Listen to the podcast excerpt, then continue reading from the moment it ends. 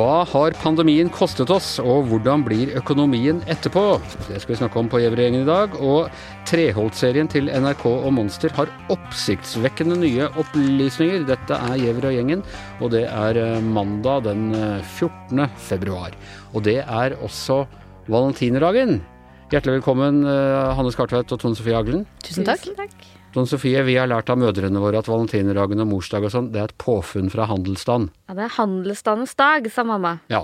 Det er det det er. Det er bare noe de finner på sånne dager for at vi skal bruke mer penger, og det er egentlig ikke noe, det er ikke noe primstav eller noe offentlig kalender. Det er ikke en ordentlig dag i det hele tatt. Nei, det, det er jo det vi klamrer oss til da, når det ikke ryr inn blomster og gaver og andre ting, er det ikke det? Hva med deg, Hanne? Har du vokst opp med å feire valentinerdagen i det skartveitske hjem? På ingen måte. Jeg har akkurat samme oppdragelse som dere to på dette. Det er handelsstand, enten det er morsdag eller farsdag eller valentinerdagen. Ja.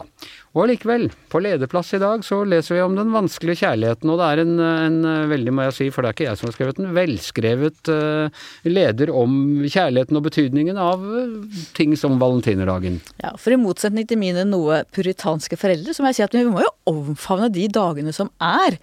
Og kjærligheten er kanskje det viktigste, enten det er kjærlighet eller fravær av kjærlighet, savn, ensomhet, eh, hva det nå er, så er jo kjærlighet veldig viktig i menneskenes liv. Og det å si en dag hvor vi feirer den, syns jeg er ganske fint, egentlig. Og det kan like godt være nå?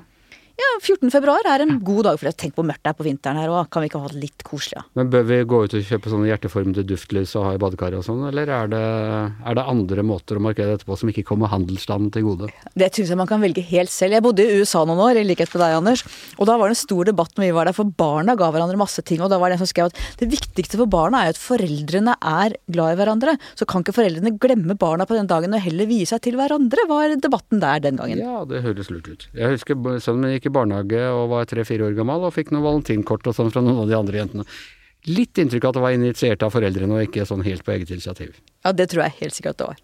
Har du fått noe valentinkort i åra, Det skal jeg love deg at jeg ikke har fått, men uh, handelsstand er viktig det òg, da. Det Selvfølgelig. å holde hjulene i gang, så kanskje jeg får kjøpe blomster til meg sjøl på tur hjem. Ikke sant? Og da snakker vi om kjærlighet til handelsstand, da kanskje? Ja. Og selvfølgelig, vi ønsker oss alle et lokal Og jeg husker for mor min holdt på med det, jeg skulle ikke med handelsstand og sånne ting. Og så begynte jeg å jobbe på, ute på Ås, jeg bodde på Ås Foto, og da var vi med på et sånt handelssangrein som het Åsmarten. Eh, og da skjønte jeg viktigheten av det. Skulle vi prøve å trekke flere kroner til Ås fra Drøbak og omkringliggende uh, for å holde liv i det lokale næringslivet. Så det er viktig, det også. Så gå ut og kjøp noe duftlys og putt i badekaret, det er en oppfordring fra, fra hele Gjevre-gjengen. Og apropos dette med å holde hjula i gang og eh, økonomi, altså Tone Sofie har funnet fram i dag den aller første utgaven av uh, Verdensgang, VG, eh, avi, eh, hva skal jeg si, avisen, vi er jo ikke bare en avis lenger, men, men medieinstitusjonen vi jobber for, var egentlig en avis på 2030-tallet, gikk inn og ble restartet etter krigen av hjemmefronten. Og det aller første oppslaget, lørdag den 23. juni 1945, var Hva okkupasjonen har kostet oss. Den nye finansminister, direktør Gunnar Jan, gir svaret. 38% mindre av reelle goder sto til vår disposisjon i 1943. Det vil koste åtte av ni milliarder å bygge landet opp igjen etter ødeleggelser og kapitalfortæring. Hvor langt vil vi komme med 8 milliarder på til- i Nei, kanskje bygge opp noen blomsterbutikker etter uh, pandemien. Kortreiste duftlys. Ja, nei, det var det, den totale prislappen, det tør jeg nesten ikke å tenke på. Og, og jeg tror um, de trenger fle- folk med bedre økonomikompetanse enn meg på å gjøre det regnestykket der. Men du har likevel skrevet en, en veldig interessant eh, kommentar i, i dagens VG, både i papir og, og nettversjon, om uh, hva den kan ha gjort med mentaliteten på, til politikerne, og dette med, med bruk av penger. For nå har det altså vært uh, om å gjøre å gi liksom størst mulig pakker til alle verdig trengende. Det har vært mange verdig trengende. Og hvordan skal dette gå etterpå? Ja, jeg er jo litt sånn spent på om vi har flytta de grensene. For nå, nå er det sånn, det er jo mange grunner til at vi har stilt opp for både privatpersoner og næringsliv under pandemien. Så liksom, det handler ikke om det. Og jeg tror også det er en viktig grunn til at vi har så lite uro og så høy tillit til Norge at vi har betalt oss ut av mye av de negative konsekvensene, bare for at det er sagt, da. Eh, Men eh, vi så jo egentlig fra dag én, når den forrige regjeringa skulle lage disse krisepakkene, så var jo opposisjonen tvert eh, sammen om at dette er ikke bra nok, dette er for lite, dette er for seint. Og hadde jo denne her firebanden som stadig kom opp med rausere ordninger som uh, angikk uh, stadig flere. Og firebanden må minne oss på hvem de var ja, igjen? Da var det jo selvfølgelig Høyre og, KrF, Høyre og KrF og Venstre som satt i regjering, og firebanden var den her litt sånn uortodokse konstellasjonen av eh, SV, Arbeiderpartiet, Frp og Senterpartiet. Senterpartiet! glemme, hvordan kunne jeg glemme det? Ja, og, og, de fant jo hverandre, og var liksom Det var faktisk eh, Vedum som langt på vei var uh, litt sånn talsperson for at det var helt nødvendig at Stortinget eh, greip inn og lagde bedre ordninger, mens eh, opplevde det var, var, jo Jan Tore Sanner, som da var finansminister, litt sånn bleik om nebbet, hadde liksom ikke noe annet valg enn å bare Selvfølgelig er vi også med på det her, og, det ligger ikke egentlig i Jan Tore Sanners natur å bare åpne pengesekken og skuffe ut? Nei, det gjør ikke det. Og man så jo at det var veldig vanskelig å holde igjen. For det var ingen, ingen som heier på hvert fall Kanskje en og annen leder fra VG eller noe sånt, men det ble veldig lett å argumentere for at vi må stille opp for stadig flere. Og, og det er jo det jeg er litt sånn spent på om, øh, om det forplanter seg videre. Jeg syns vi ser litt konturene av det nå under uh, strømkrisa, hvor uh, også masse gode argumenter for at både næringsliv og privatpersoner og andre skal, skal, få, skal få, støtte. Det er ikke det, men, men det er også noe man argumenterer på litt det samme vis. Og nå har det jo skjedd et rollebytte her, hvor det er faktisk Høyre som i dag er ute og krever at næringslivet må få, og bedrifter må få strømstøtte. Høyre syns ikke man brukte nok penger under dem, så nå må vi ha enda mer. Eh, Hanne, du har bekymret deg for pengebruken siden lenge før det var noe pandemi. Så hva tenker du om situasjonen nå? Ja, Det er jo en kjent sak at det er mye lettere å få en post inn på et statsbudsjett, eller få utgifter inn, enn å få dem ut igjen. Og det er klart, Nå har vi, som Tone Sofie peker på, fått veldig mange ordninger, og utvida ordninger, og stemningen i det politiske livet er at vi skal bruke mye penger. Det er lett å være raus med andres penger. Dette er jo faktisk skattebetalernes penger og fremtidige generasjoners penger i oljefondet. Så det å få strammet inn dette tror jeg blir krevende. Og, jeg tror at vi vanlige velgere må tenke litt på at dette er faktisk fremtidas og fremtidige generasjoners penger som vi må passe bedre på. Dette blir krevende. Samtidig så tjener vi jo mer penger enn noensinne. Vi tjener eh, altså masse på, på, oljeinntekter, og vi tjener masse på kraftsalg. Eh, så hvorfor det Hvorfor skal man liksom alltid bare snakke om øh, å stramme inn, og hvorfor ikke da bruke de pengene til å løse en del av de problemene som nå kommer i kjølvannet av en slik pandemi, og som samtidig har synliggjort andre problemer i samfunnet? Jo, det er riktig, og som Tone Sofie peker på, det er klart at når det gjelder strømprisen, så er det kommet veldig veldig mye penger inn i avgifter som godt kan gå ut til folk. Det er på en måte en egen kasse akkurat nå. Så er spørsmålet om det bærer videre også. Og så er det jo sånn at vi har brukt veldig mye penger under pandemien, og kommer til å gjøre det for å reparere framover. Og spørsmålet er om vi klarer å stramme når det blir behov for det. Hele handlingsregelen og hele oljefondet bygger jo på at vi skal bruke mer når det er krise, som vi har gjort under finanskrisa og i andre sammenhenger, og så må vi stramme inn når det normaliserer seg. Og min bekymring er i og for seg ikke at vi bruker mye penger når krisa er der. Min bekymring er om vi klarer å stramme inn og normalisere når det er over, eller om da folk er blitt så vant til disse ordningene at det blir umulig å, å stramme inn og komme tilbake til en slags normalitet som er bærekraftig også inn i framtida kommer det snart en ny sentralbanksjef som kommer til å Ja, da blir alt mye bedre, Anders. Være høyt og lavt med formaninger om, om pengebruk. Hva tror du, Tone Sofie, altså, hva, hva, vil de gjøre f.eks. med et parti som Høyre, som da nå er i opposisjon, som alltid har vært de mest sånn i anførselstegn ansvarlige, de som har mant til edruelighet og forsiktighet og ikke bruker mye offentlige midler osv. Vil Høyre forandre seg som, som følge av dette? Vi har jo sett det i åtte år, at uh, de, er ikke, de er opptatt av å formane en gang iblant, men de har jo virkelig stått i bresjen for å bruke mye penger, de òg. Så det her forplanter seg jo, og jeg syns det er veldig fascinerende hvor fort man, uh, man tar den opposisjonsrollen. Og så er det sant, å, bruke penger uh, for å subsidiere strømregninger. Det er veldig mange gode argumenter for det. bare sånn, Jeg ser den, og jeg kan jo bare avsløre at jeg har fått noen, noen mailer i dag av eh, våre kjære lesere, og det er ikke valentine-innhold akkurat. og De skjønner jo ikke at, eller mange skjønner ikke at når staten tjener så mye på strøm at vi ikke bare skal ta det tilbake. Når det er sagt, da, så handler det litt om prioritering. ikke sant? Når man bare helt åpenbart sier at vi skal bruke penger på det, så er det jo en slags sniking i køen av penger man kunne brukt på noe annet. Det er jo det ene, helt uten debatt. Det andre er hva det gjør med vanene våre. Og jeg syns med strøm er kjempeinteressant. For en naturlig refleks da når strømmen er dyr, er at vi sparer mer, og det er jo en grunn til at vi skal gjøre det, for da er det som regel mindre av den. Vi, ødelegger jo litt for det. Og det andre er det her med å sikre seg. Uh, vi har jo ikke noe tradisjon i Norge for å binde strømprisen, og det tror jeg ikke er fordi at vi vi, vi er så opptatt av å, av å få mest mulig profitt. Vi har ikke tenkt tanken at det skulle være nødvendig. Jeg har i hvert fall ikke tenkt det. Men nå ser vi jo på en måte at staten stiller opp. Så liksom, er, vil det liksom gi et incitament til å til å gjøre det videre. Og så er det det tredje som eh, man har snakka om i politikken så lenge jeg kan huske, at handlingsrommet føles i å bli mindre. Ehm, jeg skal, nå, jeg skal, nå, se at politikerne gjør noe med det, men jeg tror nok at det nærmer seg mer. da, At man er nødt til å prioritere mer. Og jeg tror faktisk at den regjeringa som sitter nå, kan få det ganske tungt etter hvert. Ja, de kan få det tungt etter hvert. Og de har det tungt allerede, ja, tror jeg vi må kunne slå fast. ja, nå hadde jeg et øyeblikk glemt. Eh, Hanne, er det Altså hvis Høyre også nå bare sliter seg fra handlingsreglene, på å si, eller i hvert fall fra, fra uh, denne edrueligheten og sparsommeligheten og alt det ibsenske. Uh, er det noen igjen i norsk politikk som vil si at nå må vi ta rev i seilene, og nå må vi bruke mindre, og nå må vi stramme inn livreima, skjære, stå stille opp i Dagbladet og VG så, og skjære til beinet på spekeskinka og sånn når man legger fram statsbudsjettet? Nei, jeg må si at jeg er overraska over hvor fort Høyre gikk inn i en veldig aggressiv opposisjonsrolle, både når det gjaldt pandemihåndtering, når det gjaldt pengebruk, når det gjaldt veldig mange ting. Og jeg er jo bekymra for at den, si, den, ansvarlige aksen som har vært alt imellom de store parti, ansvarlige partiene, særlig Høyre og Arbeiderpartiet, i alle år, hvis den brister, så er det mye som brister i både det norske samfunnet og den norske politiske kulturen. Er du redd for sånn Venezuela, liksom? På ingen måte. Men det er klart at det er eh, veldig få eksempler på at landet har fått så stor rikdom som vi har fått såpass brått, og har klart det over lang tid. Eh, og når vi snakker om pengebruk, så er det helt riktig. Eh, at Høyre og Erna Solberg brukte masse, masse penger i regjering før oljekrisa kom i 2015. Så de har lagt seg på De har det mer i kjeften enn de har i hvordan de bruker penga. De har lagt seg på et veldig høyt nivå allerede.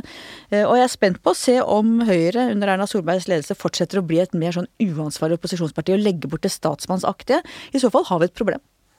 Hva tror du, Tone Sofie? Er det, er det, rom for noe parti å mane til eh, ansvarlighet? Nei, men det er litt sånn uh, kritikk Eh, også vi i pressen får, da. At uh, jeg bare hører litt sånn, sånn internt fra regjeringa at hver gang SV mm, plusser på 100 millioner til et eller annet, så liksom SV helten. Og, det er jo det er kanskje en litt sånn uh, utfordring at det å få mer penger til ting, om du er statsråd eller et parti eller noe sånt, det har en tendens til å bli litt sånn målestokken på om du er uh, vellykka politiker eller ikke. Jeg tror ikke, Vi mener det vel egentlig ikke, men det kan lett framstå sånn. og det, det tror jeg er litt sånn syke i politikken. At, eh, at ikke det å prioritere og handlekraft blir verdsatt, men nettopp hvor mye man klarer å få penger til sitt, blir litt sånn målestokken for om man lykkes eller ikke. Så må vi huske at det å drive maktkritikk og det å drive kritisk journalistikk også handler om å stille kritiske spørsmål til opposisjonen. Særlig når det er en mindretallsregjering, slik at opposisjonen faktisk har veldig stor makt. Og der kan godt hende vi skal bli enda skarpere på også å stille opposisjonen til veggs når de kommer med sine sjenerøse anførselstegn eh, mange forslag om hvordan vi kan bruke mer penger fra fellesskapet. Og det skal Vedum være glad for nå. Hører dere det, uansvarlig opposisjon? Nå kommer vi for å holde dere i øra. Hilsen eh, Gjevrøy-gjengen i hvert fall. Erne Treholt, født 13.12.1942, dømmes til en straff av fengsel i 20-20 år. Ja, fra Treholt-saken for 37 eh, år siden, hvor altså uh, Arne Treholt fra Utenriksdepartementet ble dømt til 20 års fengsel for uh, spionasje for Sovjetunionen, og som dommeren leste opp. det var et svik mot oss alle. og det er den antagelig aller mest omdiskuterte uh, dommen i uh, fredstid i, uh, i norgeshistorien. Og det er jo så lenge siden nå, han, at jeg tror man må være minimum 40 år for i det hele tatt å huske arrestasjonen av Treholt. Ja, minimum. Hva skal vi, skal vi til ungdommen her, Tone Sofie? Husker du arrestasjonen av Treholt? Jeg husker at det var mye om Treholt, men jeg hadde ikke begynt på skolen engang for Nei. å snikskryte litt lav alder. Nei, så man kan jo selvfølgelig lure på om dette er bare Gamlis uh, nytt, men jeg må jo si at den, den serien som Monster og NRK har laget, den er virkelig god. Det er internasjonal standard på den. Eh, eh, selv om de første episodene følte at det var eh, ikke så mye nytt. Det var den samme historien, men helt fantastiske fortellergrep. Mm. Ja, den var veldig fin, og de får jo da Arne Treholt i stua si, denne fasjonable leiligheten i Moskva, hvor han har bodd i mange, mange år. Eh, og du får eh, fortellinger fra ulike kanter, både hans støttespillere og aktoratet. Lasse Kvigstad er med. De forskjellige POT-agentene, de som gjorde jobben. De amerikanske FBI-agentene som bodde dør i dør, eller i samme oppgang som Arne Treholt og hans kone. Altså det er et og fantastisk Og som lot som de var et ektepar, og ble venner med, med sånn at Treholt og, og, kona hadde noen, noen av sine nærmeste venner var altså spionerte på dem. Ja, avlyttet soverommet deres. Barbara, som da ble bestevenninne, tror jeg, med Kari Storekre Treholts daværende kone. Tenk deg den opplevelsen hvor du plutselig opplever at hun du har vært tettest på og snakket om alt med i mange år, har vært lønnet agent og spionert på deg. Det er jo noe drama der som er helt grensesprengende. Eh, og så er det altså det store hva Altså de fleste, tror jeg kanskje, bortsett fra i eh, noen spesielle miljøer på nettet, eh, mener jo at eh, Treholt gjorde seg skyldig i å eh, Altså han, han jobbet for Utenriksdepartementet. Han informerte ikke Utenriksdepartementet om sine møter med eh, KGB, men det er uenighet om hvor stor skade han gjorde. Eh, han ble vel dømt på en indisierekke, eh, og ikke på de helt faktiske overleveringene av statshemmeligheter. Nå ser jeg du rynker brynene litt her, Hanne. Ja, de hadde jo bilder av at han møtte Titov i Helsinki, Wien, med aviser under armen som han da la igjen, og jeg tror det var uomtvistelig, han har jo bestrider heller ikke at han har overlevert ting. Har... Spørsmålet er hva slags gradering det var. Det viser seg også at han oppgraderte noen av disse notatene han skrev ut selv, og graderte dem selv høyere. Og da sier jo retten at fordi det var bedre salgsvare, jo høyere eh, gradering det var. Men dette nekter han altså selv eh, for fremdeles? ja, nå han... gjør han det. Og ja. det fascinerende er jo at han han ga jo politi, politiavhør først, hvor han innrømmet alt, og reiste seg og sa la oss ta de svina. Og så sier da Tøfte Men da led han av et tilståelsessyndrom. For da sier jo Ørnulf Tofte til han at eh, du skulle komme for ti år siden. Da kunne du sagt om ja. det. Og da begynner han å gråte. Ja. Eh, Ørnulf Softe, som var altså da eh, han fra, fra politiets overvåkingstjeneste som ledet hele den etterforskningen, og som foreslo arrestasjonen på Fornebu flyplass 20. januar, eller 19. januar, eller når det var, 1984. Eh, Men så må vi da til det nye. Altså i episoden som ble vist på NRK eh, i helgen, så kommer det fram eh, at Eh, Sovjetunionen, via Stasi, altså østtyske forferdelige altså man si Gestapos arvtakere i, i eh, Øst-Tyskland, eh, har kommunisert et ønske om å få utlevert Arne Treholt i bytte mot en haug med spioner og sånn som, som eh, de satt på. Og i de papirene man da har funnet, så sier KGB rett ut at han har vært en meget uh, verdifull kontakt er kanskje ordet de bruker, og kilde, uh, i militær- og sikkerhetspolitiske spørsmål. Og er det en uh, rykende revolver? Å oh, ja.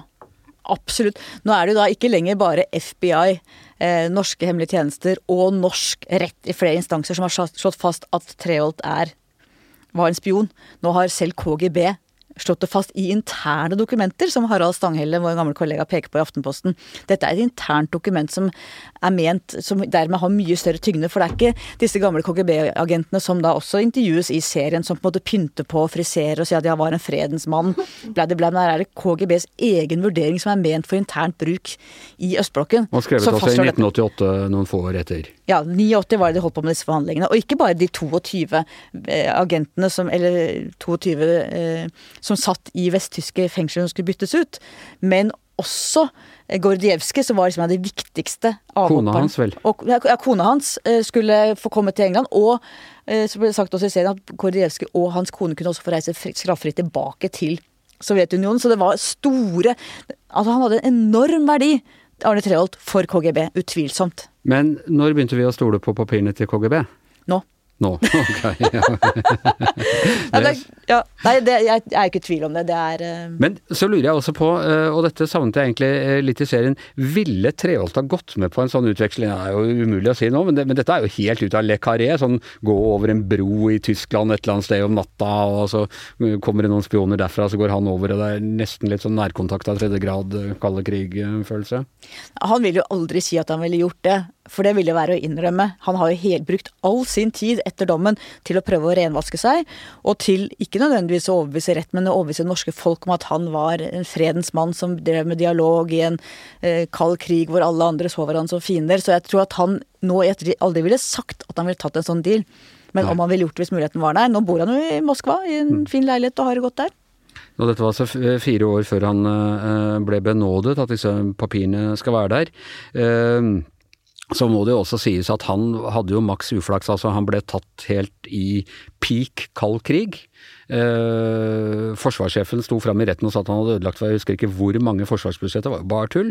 Eh, rett etterpå så kommer Gorbatsjov og kan vi tro at Glasnost ikke er en drøm, men noe vi kan tro på. Hele greia rakner, og det så ikke så veldig farlig ut eh, lenger. Så eh, ja, et svik mot datidens eh, verdensanskuelse, eh, helt klart. Men egentlig var det så stort. Var det 20 år i fengsel? Det er like mye som de verste massemorderne. Klart det var det, Anders. Og nå syns jeg du hvitmaler veldig. Det var jo farlig. Vi vet jo det. Da- Sovjetunionen ramla sammen, så så vi jo hvor farlig og hvor menneskefiendtlig og hvor truende dette var. Eh, og det var atomvåpen på begge sider, så jeg mener at helt åpenbart var det en riktig Ja, det syns jeg. Ja. Absolutt. Ikke åtte, som han satt? Nei. Nei. Ok, Trond Sofie, du som er ung og vokste opp etter krigen, kalde krigen, hva tenker du? Eh, nei, jeg har vel ikke så sterkt forhold til det. Jeg var jo Rus nei, Russland, jeg, i, på, i Finnmark i høst. Og da hadde vi ganske mye om etterretning. Hvor mange som var involvert i etterretning på begge sider, i, særlig de områdene der. Det er jo, i, dag, I dag ser jo det helt sånn sjokkerende ut, da. Så um, Samtidig så jeg vokst opp i et jeg hadde besteforeldre som var NKP-ere og var mye i Sovjetunionen og helt sikkert har mapper både her og der, vil jeg tro. Og der husker jeg det lå sånne Arne Treholt-bøker overalt. Han hadde skrevet en bok som het Alene. Det gjorde han. Mm, ja, så det var nok en del av befolkninga som hadde sympati med han. Og jeg tror i hvert fall de hadde sympati i den heimen, uten at jeg husker å ha diskutert det med dem.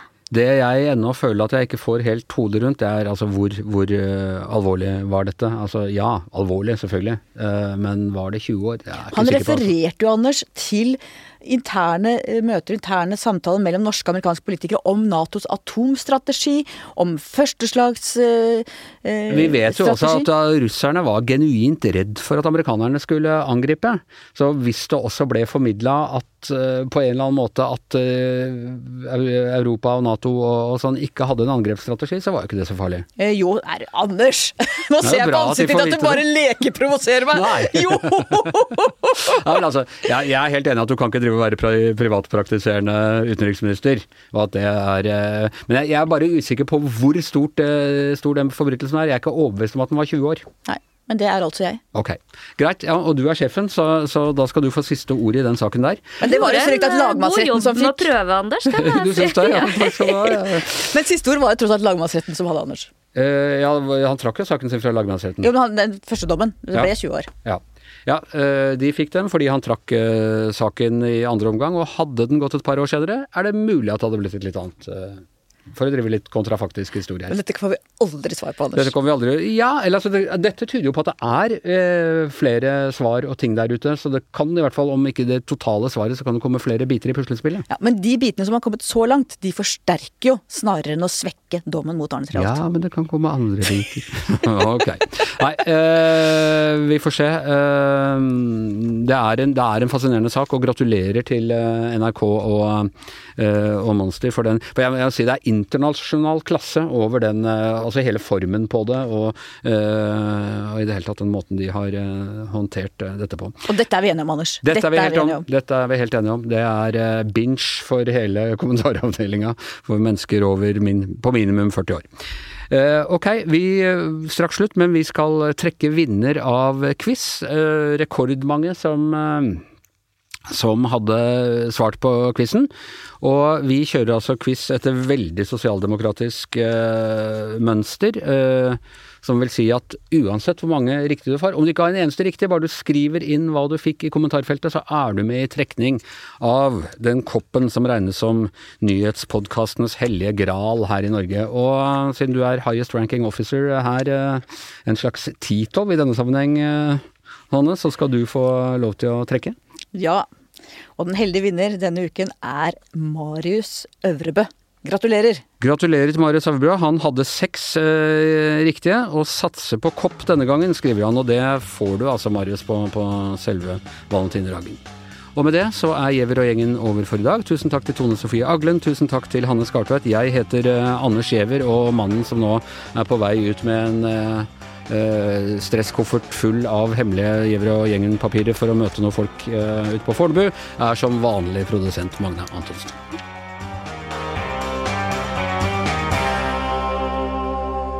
Du har hørt en podkast fra VG.